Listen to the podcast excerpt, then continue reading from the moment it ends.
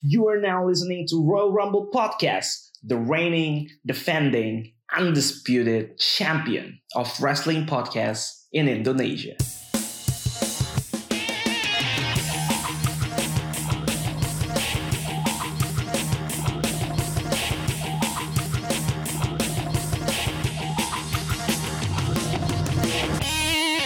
Royal Rumble ID is all elite.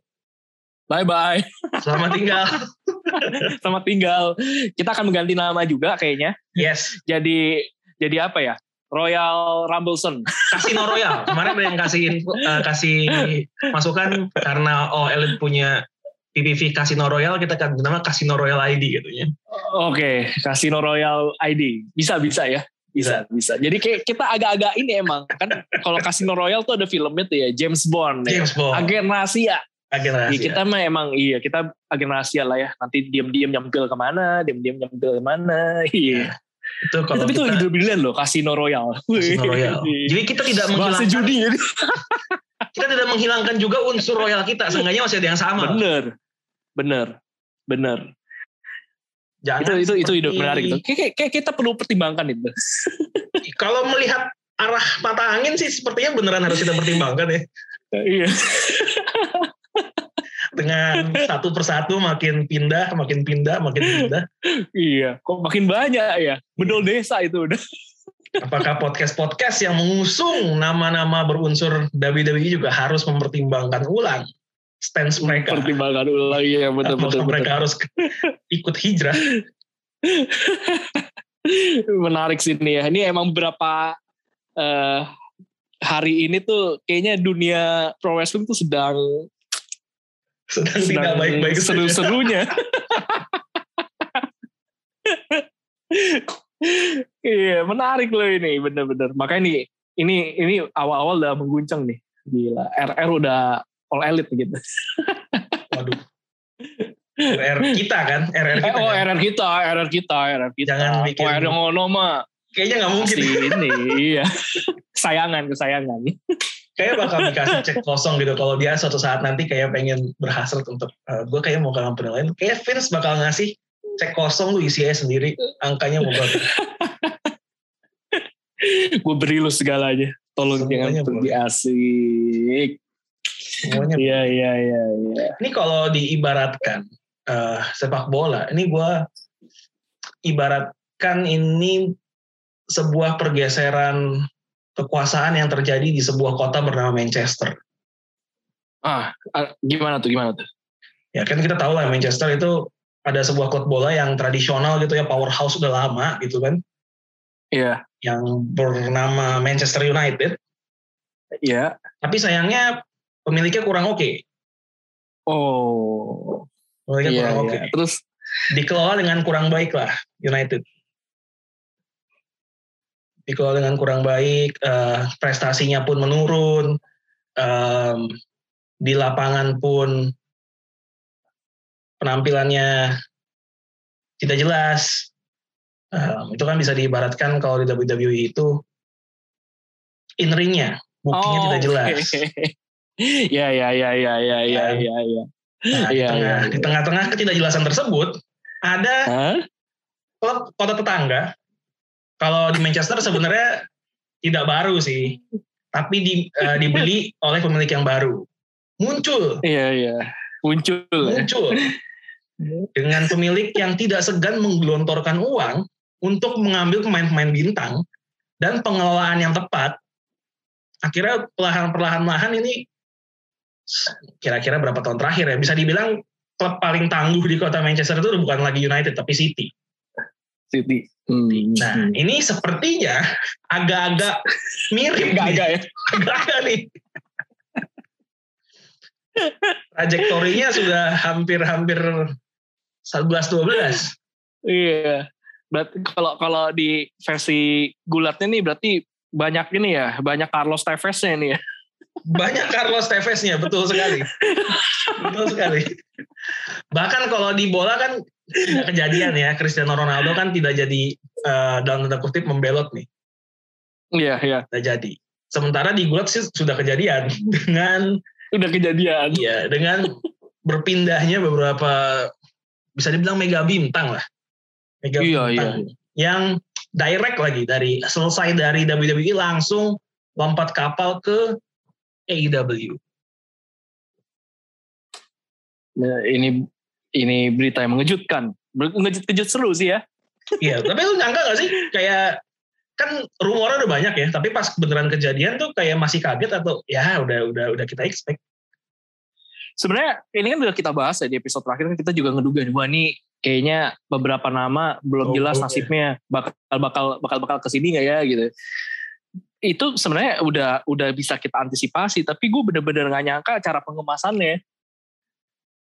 Pengemasan untuk mereka ditampilkan itu loh. Kayak pas lagi akhirnya rilis kan tuh si, eh maksudnya keluar tuh si Aceh, iyo, Ida, Aceh masih DB, ah, Sekarang BD Wah, oh BD dibalik ya. dibalik Jadi Danielson. Brian Danielson, iya BD. Jadi tweets tuh bener-bener, wow, ada apa ini? Dan dan menurut gue menarik loh. Eh exposure-nya berarti langsung dikasih juga tinggi kan. Langsung BD ini dihadapinnya sama Kenny Omega. Wah gila. gokil. Menurut gue sih ini, eh, menurut gue sih ini gokil lah. Gokil banget.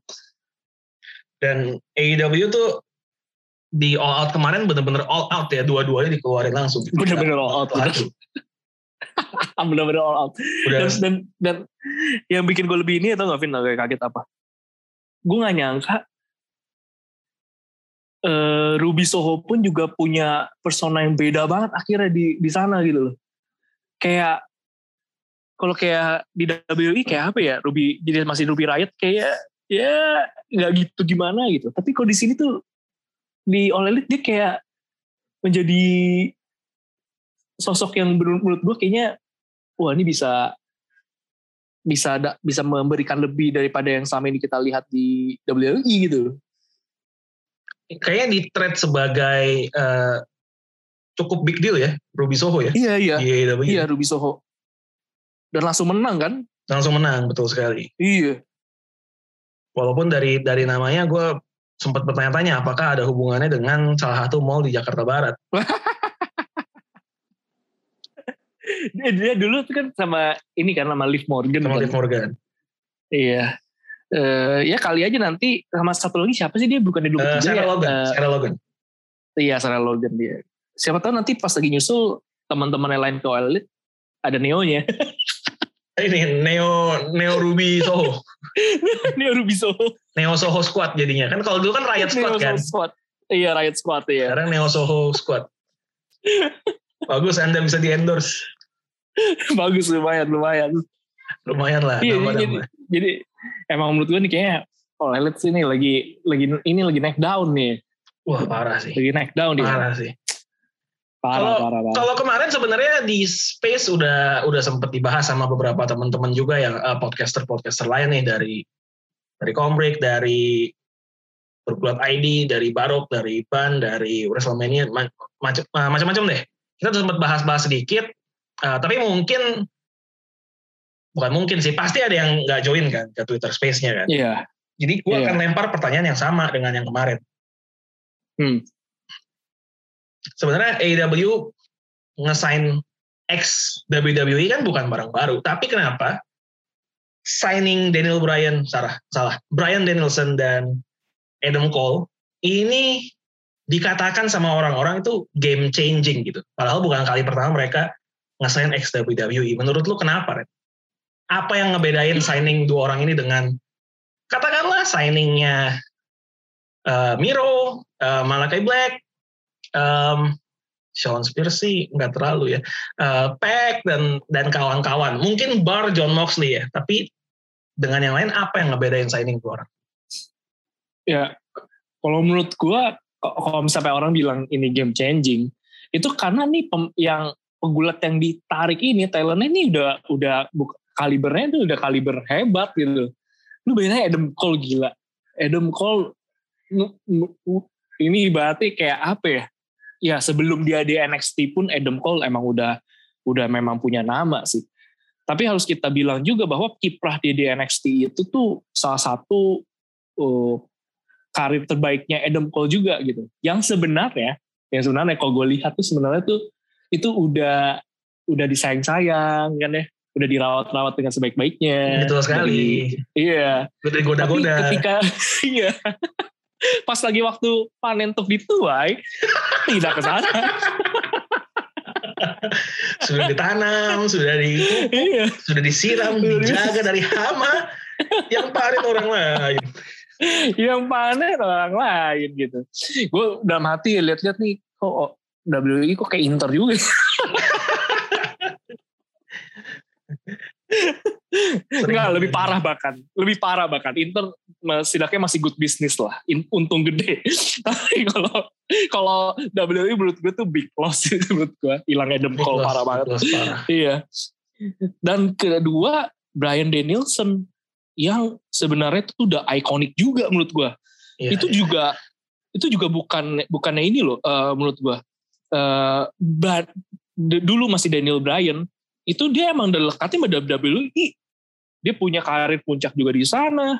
Dia juga eh, sempat pensiun dan akhirnya kembali juga karena WWE.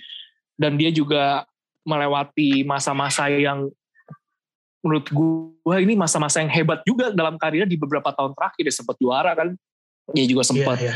Juara tag team champion juga sama sama itu salah nggak sih Masian pernah ya kalau nggak salah.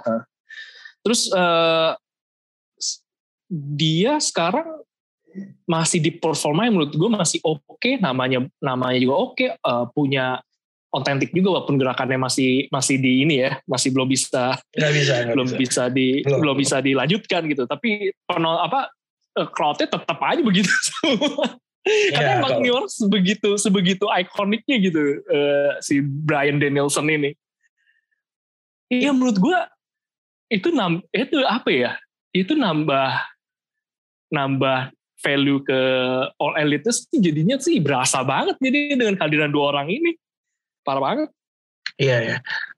Kalau dari gue memang itu sih yang lu bilang. Em, kalau dari bahasa gue adalah karena Daniel Bryan ini at one point adalah the biggest uh, baby face dan at some point juga the biggest heel di company gitu. Ini Bener, udah bener. udah salah satu bintang paling gede company-nya. Dan itu yang Bener, bener. ngebuat ngebuat signing Bryan jadi beda sama yang lain karena yang lain potensi untuk jadi top starnya ada cuma belum sampai sana karena booking yang jelek lah, misuse dan dan hal-hal lain. Tapi kalau Bryan ya nggak nggak punya masalah itu. Bahkan kayaknya bener Bryan dan Adam Cole ini jadi satu dari nggak dua, jadi dua dari sedikit ex WWE yang ketika signing sama AEW masih bilang hal-hal bagus gitu loh soal eh, soal WWE. iya iya iya Wah Bryan, iya iya iya eh, hubungan gue sama Vince bagus, tapi Vince tuh kadang overprotective, tapi hubungan kita bagus. Adam Cole juga bilang, eh, gue ngobrol sama Vince sering, Vince bahkan sering muji gue gitu dan hubungan dan mereka baik-baik aja sebenarnya di WWE. Tapi ternyata em, bukan cuma soal uang ya, karena karena gue cukup yakin secara kontrak pasti WWE nawarin bisa lebih gede. Dari WWE WWE. atau All Elite Eh, WWE, WWE. Ah, Tapi mungkin ada hal lain yang dicari gitu. Mungkin kalau dari All Elite bisa nawarin booking yang bagi sebagian wrestler, ya gue maunya yang kayak gini. Gue nggak mau jadi entertainer gitu loh. Gue mau jadi benar benar wrestler. Itu mungkin jadi daya tariknya. Jadi Iya. apalagi ada teman-teman kan. Kalau Adam Cole ada teman-teman, the elite-nya ada di situ gitu. Iya benar benar. Eh ini menarik sih. Dan juga yang gak kalah menariknya yang lain adalah menurut gua julukannya kenapa American Dragon ya? Oh itu julukan lamanya memang. Sebelum dia ke WWE memang. Oh Ah. itu julukan lamanya. Iya, dan namanya pun- Dragon. Ya sebelum WWE namanya pun Brian Danielson. Hmm. Jadi dia kembali lagi. Dan, dan uniknya ini sih ya. Gue pikir ya awal-awal keluar, gue pikir Pete Dunne loh. Iya, banyak itu jokesnya banyak banget kayak gitu. Katanya Brian Danielson kenapa Pete dan yang nongol. Kaget gue. Memang lagi nge- ngetren kayaknya ya, uh, top note kayak gitu ya. Wah ini ini eh perintisnya siapa ini ya? Uh, Siapa perintisnya ini? kalau yang model, Model top note ini. spesifik kayak gitu sih memang kayaknya Pete Dan ya di WWE ya. Iya. Terus diikutin sama Brock Lesnar, terus kemudian ini Brian. Terakhir kali dia yang triple threat di WrestleMania belum begini kayaknya kan ya. Brian Bener-bener. belum belum masih dia yang biasa. Masih agak-agak acak-acakan gitu lah ya. Iya.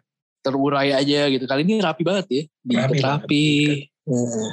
Emang kadang Menarik, menarik. pindah tempat kerja tuh bikin ini ya eh, mood lebih baik, Mood lebih baik. hidup lebih gua- tenang.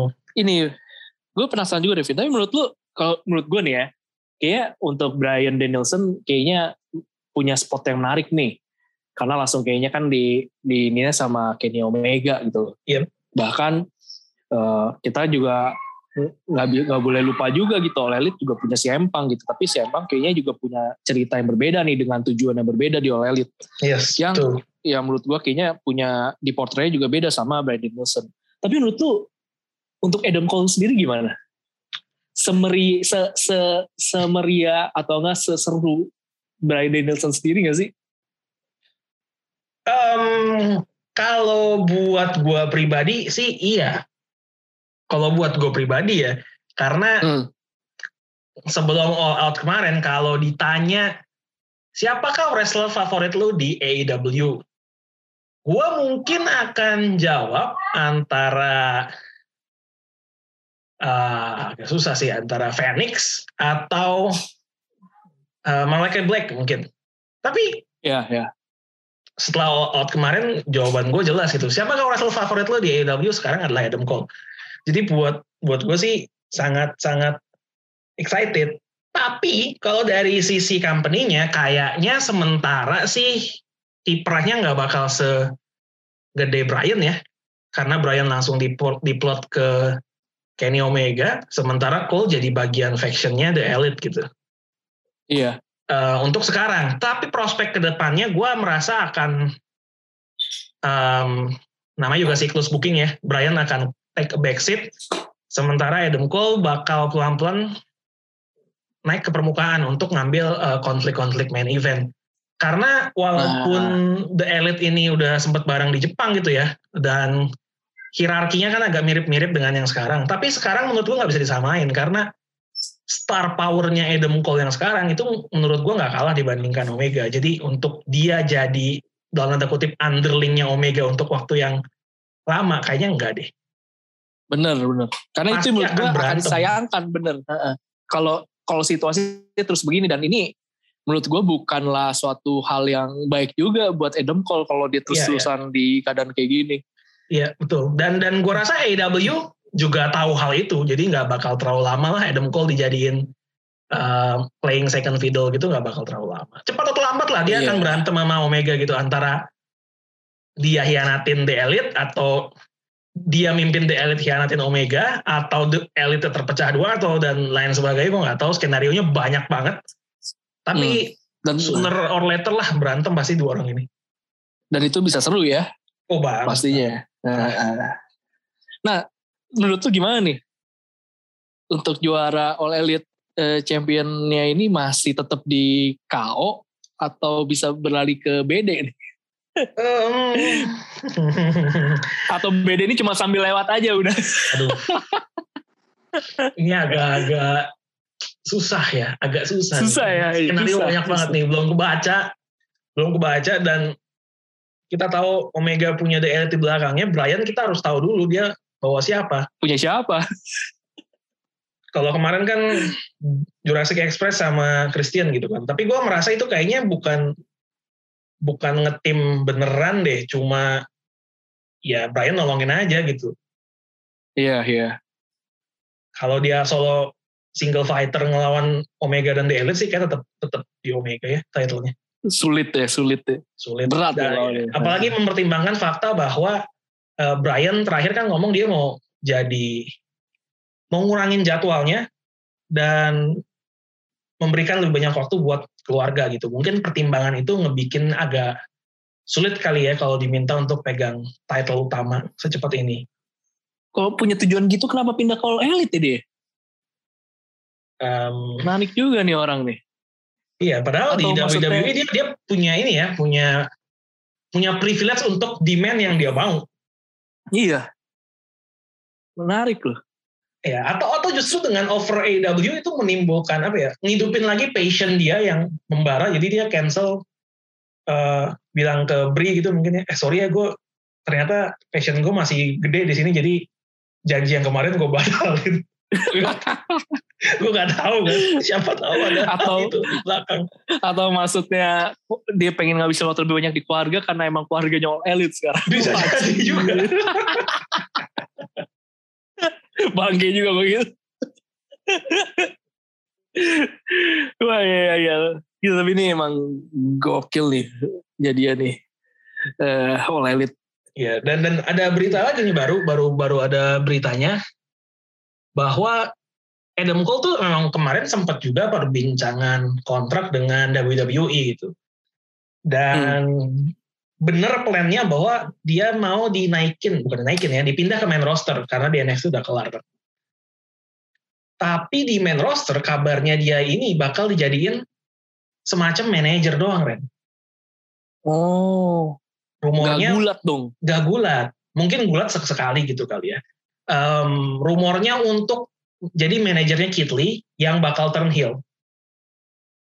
Hmm. Itu rumor yang beredar karena mereka mau mengulang yang terjadi sama eh, Leo Rush dan Bobby Leslie. Iya iya iya. Tentu disodorin kayak gitu malah bikin Adam Cole pengen kabur kan. Bener. Itu somehow bisa bisa dibilang kayak ngeledek juga sih jadi menurut gue. Deal breakernya gue rasa kayak, ah, anjir, Iya. cabut aja. Ya emang gak jelas sih gitu. Lu buat apa selama ini gue di NXT kalau gue pindah ke main roster cuman jadi begini gitu kan. Ya. Dan dan berita itu kalau benar ya menegaskan kembali bahwa Vince emang nggak suka orang dengan ukuran saya Cole. Butuhnya emang 3B ya. Yang butuhnya 3B. Ricochet, uh, Lucha House Party, teman-teman uh, Mustafa Ali nggak bakal jadi apa-apa karena ya nggak disukai nama upper management. Ya, di satu sisi sebagai penggemar WWE gue kecewa WWE kehilangan Adam Cole, tapi di satu sisi sebagai penggemar Adam Cole, gue happy dia ke AEW. Ini sebenarnya kembali lagi ya masalah klasiknya kalau lu tadi analoginya pakai duo Manchester, walaupun yang satunya lagi memanfaatkan kekayaannya untuk mendapatkan talent-talent yang mereka mau, tapi ada satu underline yang lu sebutkan dan kayak ini jadi kunci penting, yaitu manajemen yang baik gitu ya. Betul, betul sekali. Nah ini yang kayaknya yang membuat kita jadi bingung juga nih kubu kubu biru merah kuning di sebelah eh udah nggak kuning lagi ya udah ganti ya udah sekarang ya Udah ganti itu warnanya. gimana nasibnya iya gimana nasibnya Udah makin inilah. Eh, banyak banget yang kecewa kan maksudnya di tubuh WWE yang benar-benar bisa dibilang pro wrestling show tuh NXT, tapi sekarang kayaknya kita juga udah nggak bisa ngeliat itu. Bener-bener udah dipegang langsung sama Vince juga. Eh kalau pakai eh kalau pakai analogi duo klub Manchester lagi, ini juga jadi hal yang menarik gitu. nah, Di AEW itu kan kayak City tadi gua analogikan ya, dan mereka punya kesamaan bergelimpangan talent. Ah. Tapi mereka tahu pemanfaatan yang tepat gitu loh. Bahkan talent yang kadang sering dicadangin tetap dapat porsi main yang pas gitu. Kayak contohnya Joe Cancelo, terus kemarin Raheem Sterling, itu kan nama-nama gede ya. Uh, bisa Iya, dibilang petang juga. Tapi mereka tetap happy, mereka tetap terima walaupun kadang sering dicadangin. Karena manajemennya bagus. Bisa menempatkan posisinya dengan dengan baik. Semua dikasih role-nya. Sementara di kubu sebelah, kita punya seseorang yang namanya Donny van de Beek gitu. Yang tiap minggu nggak main, tiap minggu nggak main, terus fansnya harus ngeliat di lini tengah ada orang namanya Fred main terus gitu kan kayak hmm. agak-agak ini ya? Iya kayak lu punya Lester Black kemarin nggak dimainin sama sekali gitu. Tapi kita ngeliat Reginald tiap minggu ada di TV buat apa? Pertimbangannya membingungkan ya? Emang membingungkan kok bisa sih kampret ini ada? Tapi yang punya talent memang menghiasi bangku cadangan doang luar biasa memang semakin ditarik semakin ada kemiripan atau kita cocok logis aja iya iya iya iya iya. Ini ini perumpamaan yang baik ini menggambarkan. Berarti ini ya eh, Manchester United juga sedang sama-sama berjuang bangkit nih sama kayak kubunya SmackDown dan Raw nih saat ini Iya. berarti ya. Untuk Iya. bisa terus bersaing secara kuat juga melawan Betul, tetangga. betul. Dan dan Hmm. untuk berjuang balik ya mereka sama-sama harus mengandalkan nama yang udah lama nggak di situ tapi harus dipanggil lagi. MU manggil Cristiano Ronaldo, WWE manggil Brock Lesnar lagi. Cuman ini beda respon deh mungkin ya. Beda. enggak sih. Kalau kalau Lesnar yang kemarin cukup positif Masih masih positif. Masih positif. Karena karena rambutnya baru ya. karena rambutnya baru. Kita nggak tahu minggu-minggu ke depan apa yang akan terjadi dengan Brock Lesnar. Tapi gue demen sih lihat Brock Lesnar yang ada bewokannya gitu. Kayaknya sangar sih jadi Ini Lesnar dengan nuansa baru ya. Iya, iya ini oke lah. Ini Brock Lesnar-nya moga-moga nggak semonoton Brock Lesnar yang sebelumnya. Karena menurut gue penasaran juga sih gimana nih eh, jalan ceritanya berhadapan dengan RR yang sekarang kayaknya kan udah jago banget lah ya, udah dewa banget lah. Iya. Dan plus ada Paul Heyman ini menarik. Paul Heyman ya sih. Kemarin ringtone dia kan Hmm. musik Brock Lesnar ya. Iya, Anjir banget itu. Itu gue makin Iya. penasaran sih ini ini gimana nih. Ini kalau ada satu sisi positif dari WWE gitu ya. At least SmackDown bagus. Benar-benar. Masih bisa dinikmatin lah. Ya, NXT masih lumayan, tapi Raw sih unwatchable ya menurut gue. Aduh, Raw sih enggak banget sih. Agak-agak membingungkan juga sih ya. Iya, kayak Kayak nggak lo punya Karrion Cross nih, NXT Champion kemarin. Lu masukin ke Raw, match pertama kalah sama Jeff Hardy kan. iya, Sekarang Jeff Hardy lu tau ngapain? Ngejar-ngejar 24-7. Matt Hardy sedih kali lihat saudaranya gitu. Sedih, sedih, sedih. Sedih banget Lu buru-buru, lu buru-buru lah pindah. lah. Bro, kontrak kapan kelar bro? Masih lama nih. Eh, lu capek-capek bisa gulat gitu kan bertahun-tahun lu lu juga udah banyak ngorbanin badan lu kan tanda kutip ya untuk bisa memberikan eh, s- tampilan tontonan yang menarik gitu dengan move-move yang ada akhirnya berujungnya cuman modal lari Kalau gitu ngapain Jeff Hardy ya kan? iya Lalu Muhammad Zohri juga bisa ikutan itu. lari mengejar-ngejar 24/7 itu menurut gua dengan yang dikejar 24/7 itu itu menunjukin bahwa memang memang talent-talent WWE itu lagi pada desperate semua. Daripada ngapa-ngapain kan?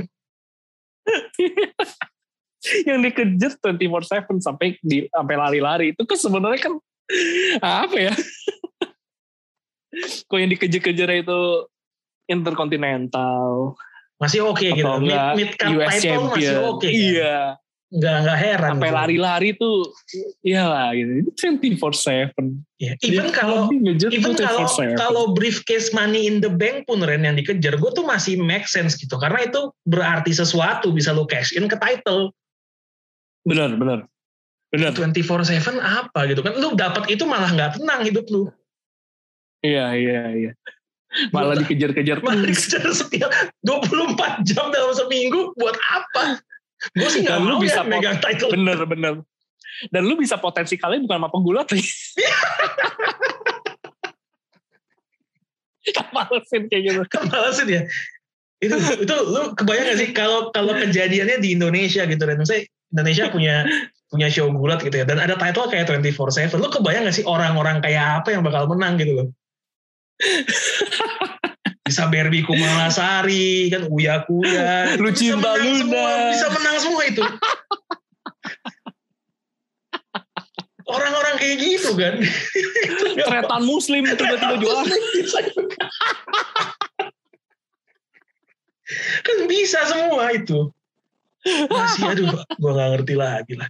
Dan kita kan di Twitter Space kemarin juga bertanya-tanya ini WWE ngelihat AEW yang aduh kayak se-hype ini sebagus ini se-improve ini mereka harus melakukan sesuatu dan kira-kira apa yang bakal mereka lakukan kejawab di Raw kemarin apa yang mereka lakukan manggil lagi Drake Maverick ke itu kan menurut gua lu sedesperate apa sih sampai kenapa Jawabannya Mereka baru apa-apa. baru ngeh kali ya. Kita tidak punya siapa-siapa. Nggak punya siapa-siapa lagi. Mau manggil siapa? Undertaker nolak kan? Kecuali dipanggilnya Iya. pakai pakai apa sih mata uang Arab real ya? Wah nggak tahu gua. Ya, dipanggilnya pakai duit minyak. Baru mau kan? Gua duit minyak lah. Ya. Mesti mesti ke sono dulu dong berarti. Iya, harus ke sana. Baru mau. Tahu kan duelnya sama siapa kan? Iya. Kita akan melihat.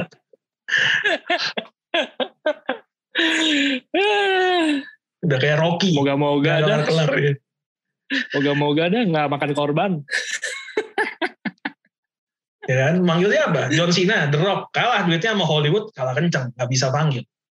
Nggak bisa manggil ya. Brock Lesnar udah. Brock Lesnar udah nih. Tapi di brand sebelah. Di Raw kita harus punya seseorang juga buat dipanggil. Goldberg nggak nggak gitu ngangkat. Siapa ya? Lihat-lihat, lihat-lihat. Scanning, scanning, scanning. Trick Maverick. Buat apa? Drake Maverick.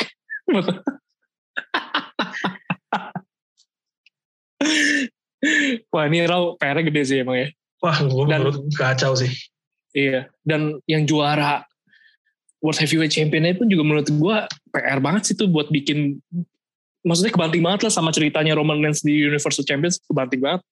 Iya, iya, iya, iya. Maksudnya Leslie bagus gitu loh. Maksudnya Leslie probably in his best WWE run gitu. Iya. Tapi bookingnya dia, lawannya dia. Bookingnya jelek banget So far ya, so far belum ada yang oke. Nggak nggak bikin kita penasaran dan pengen tahu jadinya gitu. Malah bikin kayak kita- gue menurut gue Malah bikin kita was-was kan. Kayak, ini anjir, jangan sampai Goldberg yang menang. Jadi kita was-was. Kalau kemarin Roman Reigns gitu, dia defend title lawan siapa sih? Lawan Edge, lawan uh, Daniel Bryan, lawan Finn Balor. Even ada kejutan dia kalah pun, seenggaknya yang juara masih oke. bener bener. Edge, Finn Balor, oke lah. Why not? Ini kalau Leslie kalah kan kita akan punya juara apa-apa lagi nih. Aduh, capek sih. Malah ini akhirnya malah sama Randy Orton sama Matt Riddle kemarin ya. iya iya mereka malah gue gak ngerti sih. Tapi Raw tuh segitu chaosnya gitu ya. Sampai juara World Heavyweight-nya dan manajernya tuh bisa ikutan tag team gitu loh. Tag team ya. Padahal tuh desperate. bisa bisa jadi dua kisah yang sama-sama menarik sendiri gitu loh. iya iya iya iya. Nah ini makanya nih kayak eh apa ya? Gue juga bingungnya kena iklim kalau di NXT setidaknya entah kenapa tuh nggak terjadi di main roster menurut gue yang sebelumnya ya. Yang maksudnya yang kayak punya gelar tetap seru, yang nggak ada non gelar juga tetap seru gitu. Bener bener. Nah kalau di main roster entah kenapa itu cuma ngandelin yang ada title aja jadinya. Kalau Iya, nggak nama gede aja. true true. Kalau nggak ada yang bener-bener nama gede, ya susah tuh kalau kalau itu di ini ya tanpa non title gitu loh. Iya ya bener bener banget. Dan dan di SmackDown nggak terlalu terjadi ya karena mereka masih bikin bisa bikin uh, konflik yang lumayan seru tanpa title gitu. Seth Rollins Edge gitu misalnya. Itu masih masih, masih Iya. cukup oke. gitu. Iya. Wah ini mah pokoknya memang PR sih nih buat buat buat company yang lama ini nih. Ini kalau ya tuh yang mirisnya tuh nggak apa. Gue penggemar dua-duanya yang lagi downfall tuh. Siapa tuh? WWE juga, MU juga itu kan nggak ada yang di atas nih dua-duanya. Kenapa dua-duanya lagi belangsak? ini ini ya. Apa ya? Kok kok begini banget ya gitu ya. Begini yang kita suka kok begini ya, ngebatin Iya. gitu. Iya iya iya. Dari tahun lalu tuh tahun lalu tuh gue masih punya hiburan gitu kan. Gue kalau basket kan gue demen LeBron James dia masih juara gitu. Iya, iya. Tahun ini cedera kalah ronde pertama. Aduh ini juga nggak bisa nggak bisa membuat suasana hati lebih baik. Meskipun ada Russell Westbrook ya. Ya sekarang ya buat musim depan kita kita lihat saja. Tidak tahu. terjadi. Tidak tahu, tidak tahu. Ini kalau benar begini terus ya, yang Jericho bilang bisa kejadian ini. Yang dia bilang apa tuh? Eh, dia tuh pernah bilang dalam mungkin sekitar 4 sampai 6 bulan ke depan gitu ya, lu akan ngeliat kita bakal ngalahin Raw dalam rating gitu. Mungkin gak tiap minggu, tapi akan mulai dikalahkan ratingnya. Ya kalau begini terus, Raw ya, Oh lewat. mungkin banget. Heeh, mungkin banget. Mungkin banget. Menurut gue All Elite sih nggak bisa diremehin ya. Kalau. WWE tanpa tam- begini terus tanpa ada perubahan yang signifikan, menurut gue mah ya gawat gitu. uh, kan kalau sebenarnya ini ya, harusnya bisa menjadi potensi bagus untuk keduanya. Karena ini kalau misalkan ke ada penelitian nih, ada penelitian nih kayak misalnya dulu tuh kalau misalnya di pemasaran, kalau misalkan ada vending mesin nih, vending mesin uh, minuman gitu. Ya. Kalau ternyata akhirnya ada lagi produk saingannya vending mesin uh, beverage juga di toko sebelahnya, ternyata faktanya adalah penjualannya untuk kedua-dua brandnya sama-sama naik gitu. Sama meningkat. Nah, iya. Nah ini harusnya bisa terjadi juga nih sama sama uh, eh, WWE dengan meskipun ada kehadirannya All Elite kan. Cuman menurut gue itu tetap harus diimbangi dengan uh, strategi-strategi yang, yang juga perencanaan yang baik juga gitu. Kalau misalkan kita udah lihat nih berapa All Elite udah berapa kurang lebih dua tahun deh. Ya kurang lebih sekitar eh, dua tiga tahun ya. Iya, kita udah bisa melihat gitu bahwa sasaran oleh itu udah bukannya untuk misalnya kalau dulu kan kita sanding sama NXT lah ya. Yep. ini udah udah udah udah tunggu aja nih mereka nih naik terus nih. Kalau misalkan yang satunya naik terus yang satunya dia mending lah ya. Kalau yang satunya naik terus yang satunya turun kan pusing gitu. atau atau gue tuh at least berharap yang terjadi sama WWE dengan kehadirannya AEW itu at least yang terjadi sama Pertamina dengan kehadiran Shell. Hmm. Mereka bebenah gitu loh untuk improve. Seenggaknya itu aja yang gue harapin. Bener, emang harus kayak gitu. Sama lah kayak Indomart dulu kan Raja Rela kan ada Alfamart bah langsung nah. kan inovasinya ada gitu loh. Iya memang. Ya, ya emang emang mesti begini sih. Tapi menurut gue emang kayaknya ya akan ada momennya nanti emang WWE bangkit sih Vin.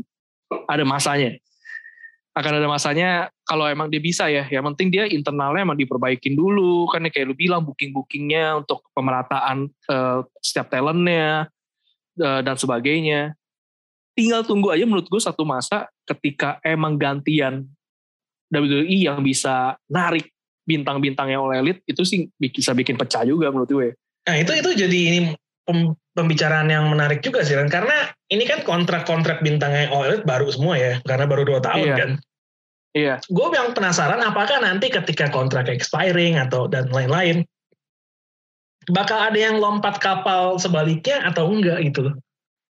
Dan kalau ada siapa gitu, gue penasarannya itu sih. Iya. Dan nah itu yang patut, menarik. patut menarik tuh. Karena menurut gue orang yang belum punya belum pernah yang khususnya belum pernah nginjekin kaki di WWE tetap ada ketertarikan sih untuk bisa melengkapi perjalanan karirnya berhasil di sana. Kalau yeah. masih bagus. Kalau masih bagus ya. Kalau masih bagus. Kalau masih sama aja ataupun makin buruk ya kayaknya ini sekarang udah bagus ngapain gue pindah. ya ya dan dan dan kalau kata banyak orang sih ya mungkin waktu itu akan tiba tapi mungkin nunggu Vince McMahon lengser dulu. Waduh, dia kalau nunggu lengser berarti nunggu dia maaf tanda kutip nunggu iya. gak ada pilihan tidak ada pilihan lain kalau kata Mox kan dia bakal meninggal di kursinya itu gila gila satu sisi ini emang orang yang punya dedikasi tinggi ya di, betul, di bidangnya betul, betul. tapi satu sisi ya dia orang yang juga Gak tau bisa dibilang obsolete juga gak sih pergerakannya hmm, bisa juga sih kayak um, rada batu aja sih kayaknya menurut gue ya. Mm-hmm.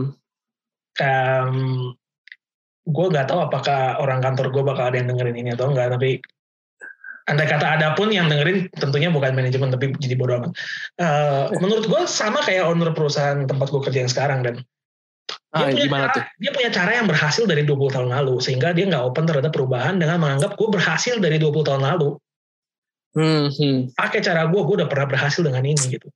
Sementara itu zamannya udah berubah. Ya, kan? ya kayak bener, gitu. Bener, Tipikal orang uh, living in the past gitu. Iya, iya. Emang susah ya.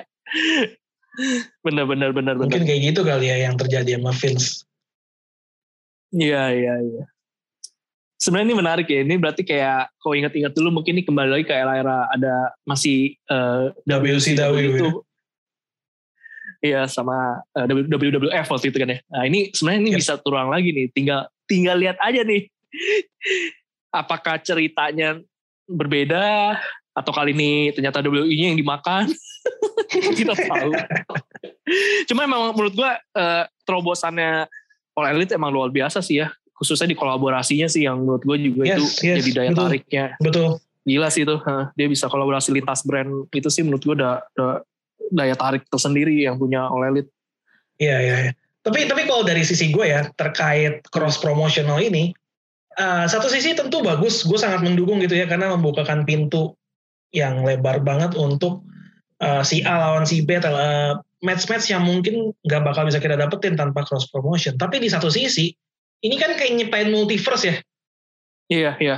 Uh, buat buat gue mungkin berbicara buat gue aja pribadi buat gue yang waktu ngikutin wrestlingnya agak terbatas gitu ya nggak bisa daily day to day yang benar-benar ngikutin banget gue kadang agak susah keep track gitu loh si ini lagi lagi di promotion mana? Kayak kayak Moxley gitu kan sempat kayak JPW iya benar ya dan dan dan Omega sempat ke Impact dan lain-lain.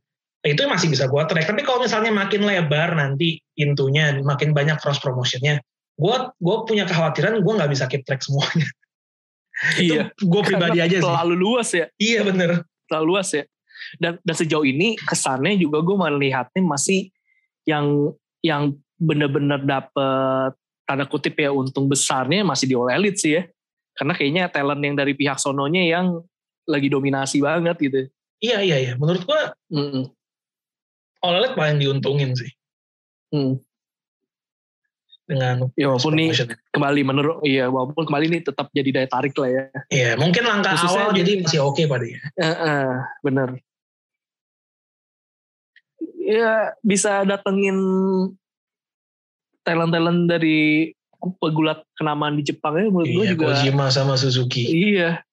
Itu sih itu udah gokil menarik sih. juga gitu. Dan dan uniknya gini ya eh, yang yang sering sekarang menggedor pintu di Jepang tuh Moxley ya walaupun yang sebenarnya punya background kerja di Jepang bukan dia gitu. Dia kan tadinya dari. WWE iya menarik pakai ini. Ya, padahal Omega yang Bucks itu kan lebih lama di sana, tapi ternyata Lebih yang lama, ngebuk, yang duluan ngebuka ke sana cross promotion adalah Moxley. iya iya iya iya. Gila sih ini eh All Elite setidaknya tapi inilah menurut gua menjadi obat kejenuhan juga melihat yang saat ini kayak ya Iya, gitu, bener aja. banget sih, iya bener bener bener. Seenggaknya fans jadi punya pilihan gitu. bener bener bener Kalau bener kemarin kita nggak punya pilihan kan, maksudnya ya WWE sesampah apa pun, kayaknya kita nggak punya opsi gitu. Mungkin mau nonton Jepang nggak punya aksesnya, nggak ngerti bahasanya dan lain-lain. Eh, Impact, Ring of Honor dan lain-lain jauh jomplang gitu perbedaannya dengan ada AEW opsi yang sepadan. Iya. Ini mungkin WI ya kalau emang ada yang benar-benar ngikutin kita, Vin. Sedih dia sebenarnya. lu gak sedih kenapa? Iya sih, lu lu udah ratusan episode ngebahas gue. Tapi isinya bahasnya julid doang. Kok lu sekalinya call elit kok muji-muji? Muji semua ya. Ini harusnya Anda jadi sarana dan waktu yang tepat untuk refleksi, muasabah diri. Bener. Bener. Ini harusnya jadi momennya cermin cambuk Anda. Kita nih dari awal kita tuh udah udah deklarasi diri, kita tuh udah WWE sampai menamakan Royal Rumble loh, PPV-nya Anda. Tapi dengan adanya satu PPV dari brand sebelah kita bikin Twitter Space pertama bahas itu, itu kan sudah harus jadi trigger untuk Anda berbenah. Hey, kalau ada yang dengerin ya, benar perwakilan dari WWE. Saya punya dua pesan untuk Anda. Satu, berbenah diri Anda, muasabah diri. Improve, lakukan yang terbaik. Tolonglah. Itu satu. Oke. Aduh. Itu satu yang keduanya apa? Yang kedua, tolong kalau ada PPV lagi, komentator kita bisa kali yang kemarin Ah. Kalau didengar tadi jelek-jelekin tuh, sekarang minta kerjaan.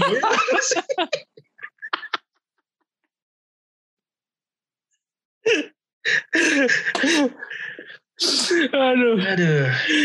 Bener. Tapi itu bener. Tapi itu bener. Karena yang, yang komen bukan kita aja kan. Bukan kita. Pendengarnya kan yang langsung langsung gitu. Eh, tapi Kok tapi ternyata jangan aneh banget. tapi ternyata yang kemarin yang komentator dengerin kita dengerin ini sedih kali gitu Sedih. ya kan kita duganya emang dia orang desain. Iya, iya, iya. iya. Tapi kalau memang misalnya memang mendengarkan, ya anggap aja ini kritik membangun buat Anda gitu. Bahwa Anda harus lebih Iya. menguasai lagi. Kalau tidak mau direbut sama kita. Bener. Dan kita kan juga inilah ya bercanda, bercanda yang serius gitu. Kita bercanda kok. Tapi kalau offernya beneran datang sih kita serius ya. serius. Kenapa tidak? Why not? Ada uang. Selama Oh. uang berangkat. Benar. Heeh. Nanti keburu oleh elit duluan loh.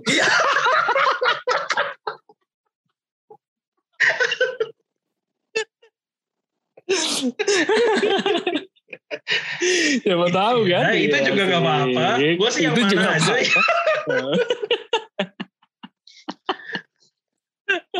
untuk ini kita tidak boleh punya favorit lah. Kita harus fleksibel. Iya. Kalau buat cuan kita harus fleksibel lah. Bener-bener kayak ini ya. Ke pemain bola kan gitu kan. Setiap Iya, iya. pindah gitu ya. Ada aja. Iya, dalam ini klub saya, bro. impian saya sejak kecil. Padahal pindahnya ke Midlands bro. Gak mungkin dong kan mungkin bermain di Midlands bro. Kenapa? Aduh. Ya, ya, ya, ya. Aduh ini menarik, menarik banget. Iya, iya, iya. Eh tapi gue tertarik juga sih nih buat buat para pendengar kita ya Royal Rumble ya. Kan kita kan sempet mungkin kan dari eh, teman-teman juga udah dengar eh, kita sempat ngobrol di eh, Twitter Space ya. Yes, Twitter Space. Nah mungkin mereka ada yang bingung juga kan itu kapan dan gimana kok bisa eh, bisa ke sono. Nah makanya penting juga tuh follow-follow media Yeah, sosial kita. betul, betul, betul, betul. Nah, eh, Karena itu karena kita kan juga tidak di planning sama sekali. Bener, iya. Tidak di planning sama sekali gitu kan. Ada hal yang mengejutkan gitu kan. Ada mega transfer, tanda kutip. Mega bintang, ya, transfer mega bintang. Langsung lah kita para para penggemar eh, banting-bantingan merasa perlu ngobrol bareng. Nah, Masa perlu ngobrol Jadi, bareng. bener. Bisa follow lagi, ingetin ya itu Twitter kita tuh ada Royal Rumble ID, ada IG, di IG follow juga, juga. Juga, iya. Karena bisa jadi tiba-tiba Ntar di IG. nongol di IGS kan malam ini atau nggak besok malam pantengin kita ngobrol sama teman-teman yang lain waduh seru betul. padahal itu Iya, seru-seru banget, seru banget. Dan Hmm. em, dulu kan kita sempat bikin episode debat terbuka gitu ya. Sekarang kalau Iya. mau bikin kayak gitu lagi, kita punya wadahnya. Sekarang udah ada Twitter Space gitu loh. Tanpa harus iya eh, waktu itu bikin Zoom dan bagi-bagi link. Ya kekurangannya cuma nggak bisa direkam aja sih. iya benar tapi itu enak juga sih kalau misalnya teman-teman lagi ada aktivitas lain misalnya lagi lembur atau lagi apa tetap dengerin tuh ya Iya, iya, iya. bisa Bener Enak banget, bener banget. Nah, Nah, kalau mau komen-komen Aduh. bisa lempar ke DM atau mention aja. Iya. Nah, makanya biar jangan ketinggalan informasi, Yep. momen-momen seru bareng, ketemu sama teman-teman lain, teman-teman Yes. sebangsa kita. Lumayan loh kemarin Udah langsung yang nonton, Oh iya, yang, yang join. puluhan ya, Puluhan, banyak puluhan. yang ikut ya. Pik- Heeh. Peak paling tingginya tuh 30-an something, tapi kan ada beberapa yang keluar masuk ya. Kalau gue perkirakan Iya. kurang lebih ada 50-an mungkin. Iya, itu karena dadakan deh. Kalau Dadakan. Maksudnya eh, eh, kalau emang kita emang persiapin jauh-jauh hari ya pasti Malah banyak jadi. yang ikut. Wah, malah nggak jadi emang. Biasa, yang biasa dadakan kan lebih gitu. seru ya kan. itu kayaknya keadaan yang yang bisa ditemukan itu kayak di negara ini aja kayaknya yang dadakan lebih sering terjadi. Iya, pasti relate lah yang denger juga. Kayak, ah, Iya. emang, emang. Pasti dalam hati akan berkata, emang, emang. bener bener bener bener Kita udah punya Penting. planning sebenarnya. Next-nya kapan? bener Yaitu setelah Crown Jewel di Arab Saudi kan. iya Kenapa kita mau ada setelah itu nggak perlu ditanyakan. Yang pasti, nggak perlu ditanya lagi ya, lah. pasti kita mau bikin. dan lu akan bisa nebak lah isinya bakal apa Iya. itu yang terplanning. Siapa tahu nanti Iya. bakal ada yang tidak terplanning. iya Seperti itu. Iya, pokoknya ditunggu aja lah. Kalau Iya. cuma ngandelin dengar di sini doang ya nggak apa-apa juga sih. Tapi kan mungkin pengen juga kan interaksi sama teman-teman yang lain. Nah ada wadahnya tuh kita. Iya. Saking dadakannya kemarin, Iya. Randy aja kaget loh. Wih, wah malam ini. ya udah gue nyusul lah. Padahal gue asal lempar doang di Twitter. Nge-space enak nih, semuanya bales. Bikin-bikin hari ini, bikin-bikin hari ini langsung berangkat. Gokil. Emang kalau lagi hype gitu ya, lagi hype gitu. memang. Iya Ini iya. hampir mau bikin lagi tadi buat ngebahas ini top 500-nya PWI. Ah iya itu juga lagi jadi bahasan seru tuh ya. Jadi bahasan seru karena Hmm. nomor satunya untuk tahun ini adalah Kenny Omega. Hebat sekali abang Kenny ini. Gokil. KO di AEW hebat nih. Eh ya KO di AEW hebat. Yang di WWE kita masih Ah, menantikan kiprahnya. Kiprahnya gimana? Bajunya pakai kaos lengan buntung, pakai dasi. Iya, selalu ya. Selalu. Kalau ada acara resmi selalu begitu. Entah Selalu kayak gitu. pikirannya kenapa. Tapi kalau lu gimana Ren? Iya. Setuju nggak? Eh, ini kan walaupun kriteria tiap orang untuk top wrestler beda-beda ya. Tapi kalau lu pribadi setuju nggak sama peringkat pertama itu eh, Kenny Omega? Kalau gue sih setuju ya. Ah, lebih ke alasannya ini sih. Kayaknya kalau emang dilihat dari beberapa bulan terakhir, katakanlah satu tahun terakhir lah. Memang kayaknya secara, kalau gue kalau gue perhatiin ya, gue nggak bayangin gue jadi pegulat gitu. Gue jadi mereka. Kayaknya gue emang lagi happy-happy kalau gue jadi Kenny Omega. Ah, Gitu. iya, iya. Heeh, dengan segala pencapaian yang dia udah dapetin gitu. Uh, All Elite menurut gue bukan tempat yang kita bisa bilang itu tempat yang biasa aja enggak itu udah jadi tempat yang besar juga terus menurut gue salah satu puncaknya yang dia bisa menang uh, title di lintas brand itu gitu loh dan dia Ya, juga sekarang ini jadi emang ya dia main inventornya uh, All Elite juga gitu loh. Dan itu udah terjadi berapa tahun dan dia tuh bukan hanya sebagai sendiri, dia juga punya faction gitu yang dia tuh bener-bener kayak alpha male yang saat ini gitu. Jadi menurut gue, wah ini emang Kenny Omega sih saat ini hmm, di puncak karir yang luar biasa gitu. Kalau sampai dinobatin peringkat satu, ya oke-oke juga sih gitu. Gue nggak nggak heran gitu. Yap. Ya. Nah, kalau kalau gimana? Ya. Kiprah eh, Kenny Omega saat ini Ya setuju, setuju sampai juga. akhirnya bisa ini. Setuju dia peringkat pertama gitu ya. Walaupun menurut gue number two-nya juga close fight lah. Iya, iya. iya. Number two-nya close fight. Oh, orang orang lain belum tahu nih, mungkin ada yang belum tahu. Ah, Nomor yang dua belum jauh. tahu. Ya jelas. Iya. Our tribal chief, the head of the table. Wih, gila. Roman Reigns ya. Roman Reigns. Iya. Ya, ya, ya. Walaupun gue juga no problem kalau dia peringkat satu sebenarnya. Iya, karena dia juga eh, punya punya apa ya? Kayak dia juga juga lagi di puncak-puncak karir, tapi menurut gua dengan kisahnya tuh bookingnya tuh juga bener-bener mantep banget gitu loh yang Iya ya, whole other level menurut gue. Iya iya iya bener. Ini level yang bahkan kayaknya nggak sama juga di yang pernah dilalui juga sama beberapa eh, talent WWE yang lainnya, bahkan eh, talent WWE sekalipun gitu loh. Ini ini, Iya, ini iya, iya. unik banget gitu. Betul, betul, betul. Em, dan dan kalau Omega, Kenny Omega itu tidak kerja cross promotions, gue bahkan akan naruh Roman Reigns sebenarnya. Tapi yang yang Iya gue naruh setuju, gue setuju. yang naruh. Kenny nomor satu adalah dia bukan cuma kerja di AEW seminggu tuh dia bisa ada di Impact di AEW yang pasti gitu di Impact juga muncul jadi dia eh, kerja keras banget memang eh, Kenny Bener. dan Benar, dibarengi juga dengan matchnya yang menurut gua hampir nggak pernah mengecewakannya selalu Iya. jadi ya nomor satu Kenny Omega ya menurut gua nggak bisa dibantah sih Iya. La- Lagi nih ya, eh, sentuhan-sentuhan eh, yang nampaknya sederhana ternyata malah bisa ngedongkrak juga ternyata gitu ya. Padahal Roman Reigns bisa potensi banget justru yang memiliki peringkat satu gitu. betul betul betul Roman Reigns pernah pernah nggak sih peringkat satu di di ini PW PW pernah ini? tahun 2016 2016. Yes, Roman Reigns. Eh, ini memang kalau kita lihat, ini kan list PWI ini selalu menimbulkan pro dan kontra.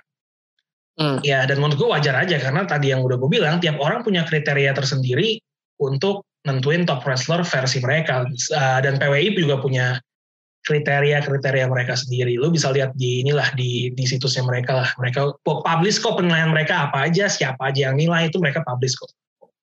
Iya, iya. Dan dan mereka memang ngebase ini berdasarkan lebih ke kayfabe karena itu rekor menang kalah jadi penting buat mereka. Itu mungkin yang di banyak orang mungkin kayaknya nggak masuk tuh perhitungan rekor menang kalah. Hmm. Tapi pada satu sisi itu emang jadi hal yang menarik juga ya. Emang iya, itu kalau lu banyak kalah kan juga gimana sih gitu ya. Karena coba misalnya coba nih kita kesampingkan rekor menang kalah. Uh, pasti banyak orang yang naruh top 10 mereka gitu masih include nama AJ Styles. Ah iya. Iya, iya. Sementara AJ Styles di WWE sekarang kan ya begitu kan kelakuannya. Iya, udah jadi a joke ya. iya. Walaupun secara in ring ya he's still one of the best gitu, tapi secara rekor menang kalah ya parah. Parah, bener. Bener, bener. Sebenarnya itu kan nunjukin, uh, walaupun mungkin bisa ya kita bilang ada kalanya satu talent itu fungsinya akhirnya ngangkat yang lain gitu, yang sebenarnya konsekuensinya yep, berarti dia kalah gitu kan. Yes. Tapi bagaimanapun juga ya memang gue bisa memaklumi gitu kalau emang win and loss itu dijadikan salah satu ukuran gitu. Ya, ya. karena itu yang nunjukin juga puncak kejayaan seseorang nggak mungkin kalau orang di puncak kejayaan dengan rekor kalahnya banyak gitu kan kita nggak bisa True, ya, agak susah juga melihatnya gitu. True. Hmm. Dan dan mungkin kalau banyak yang protes gitu, kenapa sih yang menang tuh rata-rata WWE dan dua tahun terakhir ini AEW gitu? Karena itu pun dinilai sama PWI benar benar. Uh, seprestisius apa company tempat mereka bekerja ini promotionnya juga di, dihitung. Makanya jangan kaget kalau 10 tahun terakhir aja kita tarik. Itu cuma satu yang non AEW atau WWE tahun 2017 uh, eh, itu Kazuchika Okada Okada ya hmm. Okada dan dan tahun depannya deh Omega waktu itu masih di Jepang jadi dua dari 10 tahun cuma ada uh, dua ah. itu kan Iya, iya. Udah nunjukin. Bahkan 2011 The Miz menang gitu. Kayak, The Miz. The Miz. The Miz, iya, iya, iya. Ya, ini, ini kembali jadi evaluasi juga nih. Yep. Dan yang menarik tahun ini sih sebenarnya menurut gue satu duanya sih oke okay gitu ya. Yang menarik iya. di peringkat 3 dan 4 Red sebenarnya. Ada siapa di 3 dan 4? Ada Bobby Leslie sama Drew McIntyre. Bobby Leslie 3, Drew McIntyre 4 sebenarnya kalau dilihat dari lima besar masih dominating juga ya. Masih, masih, masih. Baru di peringkat oh, lima ada dari NJPW tuh, uh, Kota Ibushi. Kota Ibushi. Menarik, menarik, menarik. Ya, gue gak tahu nih penempatan Leslie sama McIntyre ini yang ketimbang nomor satu duanya lebih banyak perdebatan soal tiga sama empat sih. Iya, iya, iya. Karena mungkin lebih dilihat juga ya uh, kiprahnya ya kalau yeah. kalau nomor satu dua kan kita emang bisa ngeliat gitu. Kita ngerasain juga uh, vibes-nya kayak gimana gitu. Nah yang tiga empat ini nih, khususnya Drew McIntyre setelah khususnya kehilangan gelar, kayaknya emang agak-agak redup ya sebenarnya. Iya ya, tapi mungkin dilihat uh, setengah tahun pertama kali ya. Iya, ya emang ada beberapa wa periode waktu yang nggak bisa dikesampingkan juga memang, jadi ya. Ya, karena karena yang penilaiannya itu gue lupa deh, kayak dari dari setengah tahun lalu ke setengah tahun ini setahu gue. Hmm. Iya, iya, iya. Ya. Jadi ya demikianlah listnya. Jadi kalau mau lihat langsung aja ke PWI ya. Dan kalau nggak setuju ya sah-sah banget lah karena ini nggak jawaban ini nggak bakal ada jawaban konkretnya. Benar, benar, benar. Beda kayak mereka klasemen ya. Beda, beda. Yang jelas ya. Beda kalau olahraga gitu kan jelas ada perhitungan poin dan lain-lainnya. Iya. Oh ini nggak bisa sulit. Um, satu lagi nih Ren, kemarin kita di Twitter Space, kita sempat ada omong-omongan soal dream match kan? Iya. Tapi gue tadi di Twitter main berandai-andai, gimana kalau WWE sama AEW itu collab dan mereka bikin Forbidden Door kebuka, dream match siapa antara dua brand ini yang lu mau lihat? Hmm. Nah ini gue banyak dapat. Lu ada nggak ini gue bakal banyak dap eh, gue dapat banyak reply sih ini banyak yang menarik juga dari teman-teman. Kalau kalau ini jadi kita coba nih dream match kita apa kalau misalkan all edit sama WWE jadinya ya Yes, yes, betul. Iya, bebas. iya, mau mau single, mau tag team, mau trio, mau faction lawan faction, bebas. Cowok cewek bebas. Iya, iya. Gue kayaknya pertama tuh gue tertarik untuk mempertemukan langsung aja kali ya nomor satu nomor dua tuh ya Kenny Omega sama Roman Reigns tuh kayak gimana? Wih, ini banyak juga yang Iya, iya, iya. langsung aja tuh diketemuin. Gue juga tertarik eh Uso lawan Young Bucks. Oh itu juga ada tuh yang sebut Nah. Usos versus Young Bucks. Iya. Gue nggak tahu ini eh tapi entah kenapa menarik kalau The Demon lawan Darby Allin kayak seru juga. Finn Balor versus uh, Darby ya. iya, Darby Allin. Kita Terus juga yang ngomong. juga- Iya ada juga yang ngomong. Bahkan pakai Iya. special stipulation, coffin match, gokil. Wah, Darby Allin versus Finn Balor. Ini sih sebenarnya banyak sih. Gue juga kayak eh sem- kalau yang di, di di yang ceweknya kayaknya para talent Jepangnya boleh dimainkan juga tuh semua tuh. Oh iya. Kalau- Shirai, Kalau gue sih jelas kalau. Thailand Jep- kalau dream match gue dari yang perempuan jelas Io Shirai versus Hikaru Shida sih. Iya, itu akan akan akan sangat menarik untuk disaksikan. Menarik banget, menarik banget. Eh, Asuka kalau mau nyempil juga boleh, nggak apa-apa itu. Jadi kayak Ya sama Riho-nya sekalian. gitu. Sama Riho-nya sekalian bener. kalau masih ada Sayang, apa? sayang. Iya sayang sudah, sayang Dah, sudah dah, tidak Jangan disebut, jangan akan menimbulkan lah. luka lama di akan menimbulkan luka lama, orang. bener. Yang sudah kita rindukan nih. betul sekali. Walaupun di NXT lagi ini ya ada Sarah ya, tapi gue nggak tahu tuh dia bakal eh, bisa Ah, iya, iya. Tapi baru lah di NXT seperti seniornya nggak? Mm-mm. Iya, iya. Nah, ta- paling itu sih. Kalau lu ada yang khusus gak yang mungkin beda? Gua ya. Hmm, yang beda, yang beda. Kalau cewek tadi gue udah sebut. Gue mau nyebut Kyle O'Reilly lawan Adam Cole tapi kayak baru gitu kan. Iya. kayak buat apa? Orang baru kemarin. Baru kita saksikan di NXT. Kalau gue tertarik sama yang ini sih, yang kurang lebih karakternya tuh agak agak mirip. Contohnya. Menurut gue ini juga ada yang sebut sih kayak Becky Lynch lawan Britt Baker gitu. Oh itu juga seru sih ya. Dua-duanya naik Itu juga kayaknya seru. di dua-duanya mulai naik ke permukaan tuh karena momen yang mirip menurut gue dengan mereka berdarah-darah itu. Iya iya. Itu Suami sekalian ikutan aja itu suami. Seru juga sih. ya versi suami juga seru ya. Antara Iya bener. dua orang gondrong itu. Iya bener. Itu seru juga tuh kayaknya. Itu seru juga. Terus kalau dari sisi cowok yang karakternya mirip tuh menurut gue ya, MJF itu agak mirip sama The Miz sih. Hmm. Itu bisa dipertemukan tuh ya. Bisa dipertemukan. Benar benar benar. Kalau kalau lagi ya. kalau ini menarik juga gak sih? Kalau misalkan orang-orang lama WWE misalnya kayak Edge gitu atau enggak Oh, hmm, iya. Randy Orton atau enggak John Cena lawan si Empang gitu. Oh, John Cena si Empang sih udah lama ya. iya. Udah lama, boleh juga, boleh Iya. juga.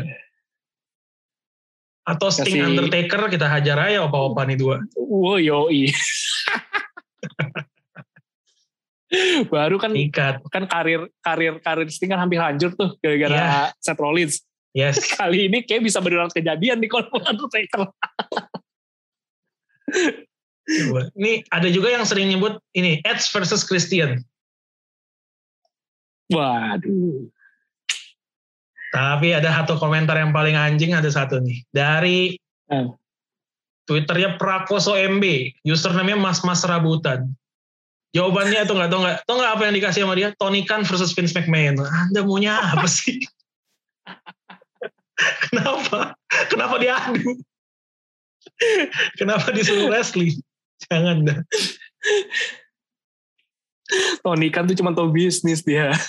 Jangan. Kalau Suruh Vince, gulat dikasihan. masalahnya Vince tuh udah pernah menang lawan God. Lu mau adu sama bisnismen nggak bisa. Ya, kak. Ya, Banyak sih. Ini Lucha Bros versus The Mysterios. Nah, wah, Ada juga nih. misterius. Seru, seru, seru, seru. Gargano versus Bryan. Pit Dunne lawan Pac dari Rio. Ismail. Ada juga uh, Kevin Owens lawan MJF. Street Profits versus Lucha Bros. Oke, namanya Menarik, menarik. triple threat match. Oh, ini sih AEW semua nih. Omega versus Adam Cole versus Cody. Ini mah AEW semua. Iya. Kayak AJ Styles lawan Adam juga seru. tuh. Oh iya, Adam itu ini apa? Adam Jordan.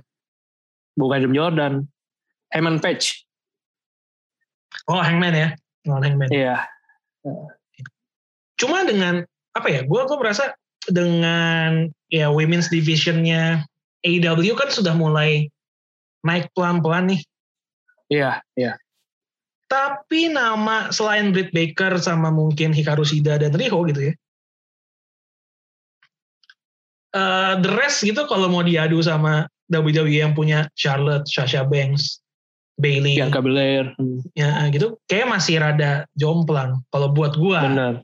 walaupun Hmm. ada nama-nama yang mulai naik daun kayak Chris Statlander sama Jet Cargill gitu kan, tapi menurut gua belum Iya. di levelnya eh, Charlotte DKK gitu. Jadi kayak masih agak jomplang. Iya. Itu jadi artinya apa? All Elite harus bisa menarik mereka juga. Simple masih banyak yang masih banyak yang belum ini kok belum dapat kesempatan kayak di All Elite yang cewek. Ada Tainara Conti, ada Anna Jay itu mungkin bisa di Iya. up juga tuh. Cantik soalnya. Wow, Hmm, jangan ka- nanti jangan kaget tuh tiba-tiba Asuka All Elite. Waduh. ih, bisa jadi bisa jadi loh itu kan. Iya. Suka sekarang apa kita kan nggak tahu kan. Gini nggak ngerti kan? eh. Tahu tahu kan be menggebrak langsung. Eh ngomong-ngomong yang bakal Elite lagi, kita kan udah sempat bahas soal Bray Wyatt ya. Iya, iya. Waktu di Twitter Space juga gue voting unanimous, semua bilang yes, Bray Wyatt All Elite. Tapi ada berita baru yang menarik bahwa kontraknya Kevin Owens Januari selesai di WWE. Nah lo. Nah lo. Dan dia sempat bikin satu postingan, tulisannya angka doang. Tapi itu, Apa angka, itu angka? angka setelah di search itu ternyata adalah koordinatnya Mount Rushmore. Yang artinya itu tempat akan terjadi suatu event. Nah, Mount Rushmore itu mereka dia tuh dulu sempat bikin uh, gue nggak tahu gue nggak ngikutin waktu itu ya either video atau atau geng gitu ya Mount Rushmore itu anggotanya isinya empat orang Red. Nah. Kevin Owens, Adam Siapa Cole ini? sama The Young Bucks Uh. Uh. apakah Tiga orangnya sudah di sana. apakah apakah kita tidak tahu nih Tiga orang sudah di sana. Jadi Tiga kan? orang semua kan kan nggak mungkin tiga orangnya yang ke sana kan jadi. iya iya iya ya tapi menurut gue Bisa kalau jadi, beneran jadi. kejadian ya memang lebih fit di W sih Kevin Owens Iya iya iya. bisa lebih lepas gitu Iya iya. Mungkin banget sih itu ya. Mengingat apalagi saat ini agak-agak tidak jelas juga ya. temennya juga sekalian Sami Zayn Menarik menarik. Ini seru nih berarti ditunggu lagi nih. Tahun depan bakal seperti apa dunia gulat-gulat ini. ya kita coba ya, nanti ya setahun ke depan kita tengok ke belakang ya perubahan apa yang terjadi Bener-bener. Gila sih Yuk. ini. Tapi gak apa-apa lagi. Kita jadi kayak punya semangat baru juga ya untuk untuk ikutin. Iya, gitu. iya, iya. Walaupun benar-benar nggak nggak secara khusus dari WI sih. Eh, tapi karena dari merek-merek seberang tapi ya nggak apa-apa lah. Ini kan Wah. justru yang bikin eh, yang yang seneng ya kita juga gitu. dan mulai ada pertanyaan-pertanyaan itu kalau WWE kan Raw dan SmackDown kita bisa lihat di Mola TV ya Iya. kalau AEW di mana nah AEW itu bisa di Fight TV guys Fight TV Fight- itu Fight Eh, TV. betul, ada subscriptionnya AEW Plus. Itu kalau nggak salah eh, 4,9 dolar, hampir 5 dolar lah. Berarti berapa 5 dolar? 75 ribuan kurang lebih per bulan. per bulan. Itu dapat eh, Rampage Dynamite sama PPV juga. Lumayan tuh bagi yang pecinta Iya. gulat ya. 75 ribu, not bad. 75 ribu Silakan bisa nonton. aja. Heeh. Bisa dengerin si Empang musiknya, Cult of Personality tiap minggu. Eh ngomongin musik dikit deh, ngomongin musik dikit deh. Um, menurut ini musiknya Adam kok agak-agak mirip Undisputed Era gak sih menurut lu? Yang iya agak-agak mirip, agak-agak mirip, agak-agak mirip. Bener bener bener. Iya bunyi-bunyiannya agak-agak mirip gitu. Agak-agak mirip. Terus eh, yang lagunya Brian Nielsen jadi kayak agak agak spek down yang sekarang gitu sih yang yang kita sempat kritikin lagunya kayaknya ini banget. Iya iya, dia cuma depannya doang ya pakai flat iya. Ya kalau kalau buat Brian sih gue lebih demen lagunya dia yang di WWE. Hmm. Kalau bener, bener, bener, bener. Kalau buat Adam Cole ketimbang musik Undisputed Era gue lebih suka Undisputed Era, era. Tapi ketimbang musiknya Adam Cole yang baru kemarin di NXT gue prefer yang ini sih. Benar benar benar benar. Benar benar dan dia ya lebih menarik lah ya. Lebih menarik lebih menarik. Dan dia ini masih sama persis ya apa? Ritual entrance-nya masih sama persis ya Adam Cole. Benar masih sama. Itu emang ciri khas dia mungkin dari lama juga kayak gitu ya. Betul. Tidak berubah. Masih tidak berubah. oke okay, kalau begitu um, kayaknya udah cukup udah satu jam lebih seperti biasa. Um, kita menemani ya nanti ditunggu aja kita minggu depan balik lagi di Casino Royal ID bersama nggak beneran kita nggak beneran ganti kan? Nggak. Nanti. Belum tentu. Kita lihat tahun depan. kita lihat benar. Kalau trajektorinya beneran begini terus sih bisa jadi, bisa bisa aja terjadi beneran. Iya iya iya. Jangan kaget lah nanti ya. Jangan kaget, jangan kaget. Ya udah mudah-mudahan AW naik terus, WWE juga naik terus. Benar. Jadi kita punya pilihan. Amin amin amin.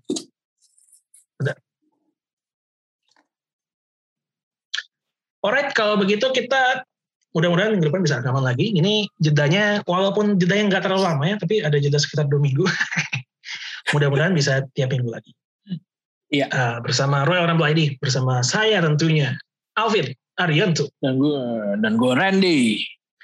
Di podcast kesayangan Anda, The Champion of Wrestling Podcast in Indonesia, Royal Rumble ID. See you guys on the next episode. Believe that and please acknowledge us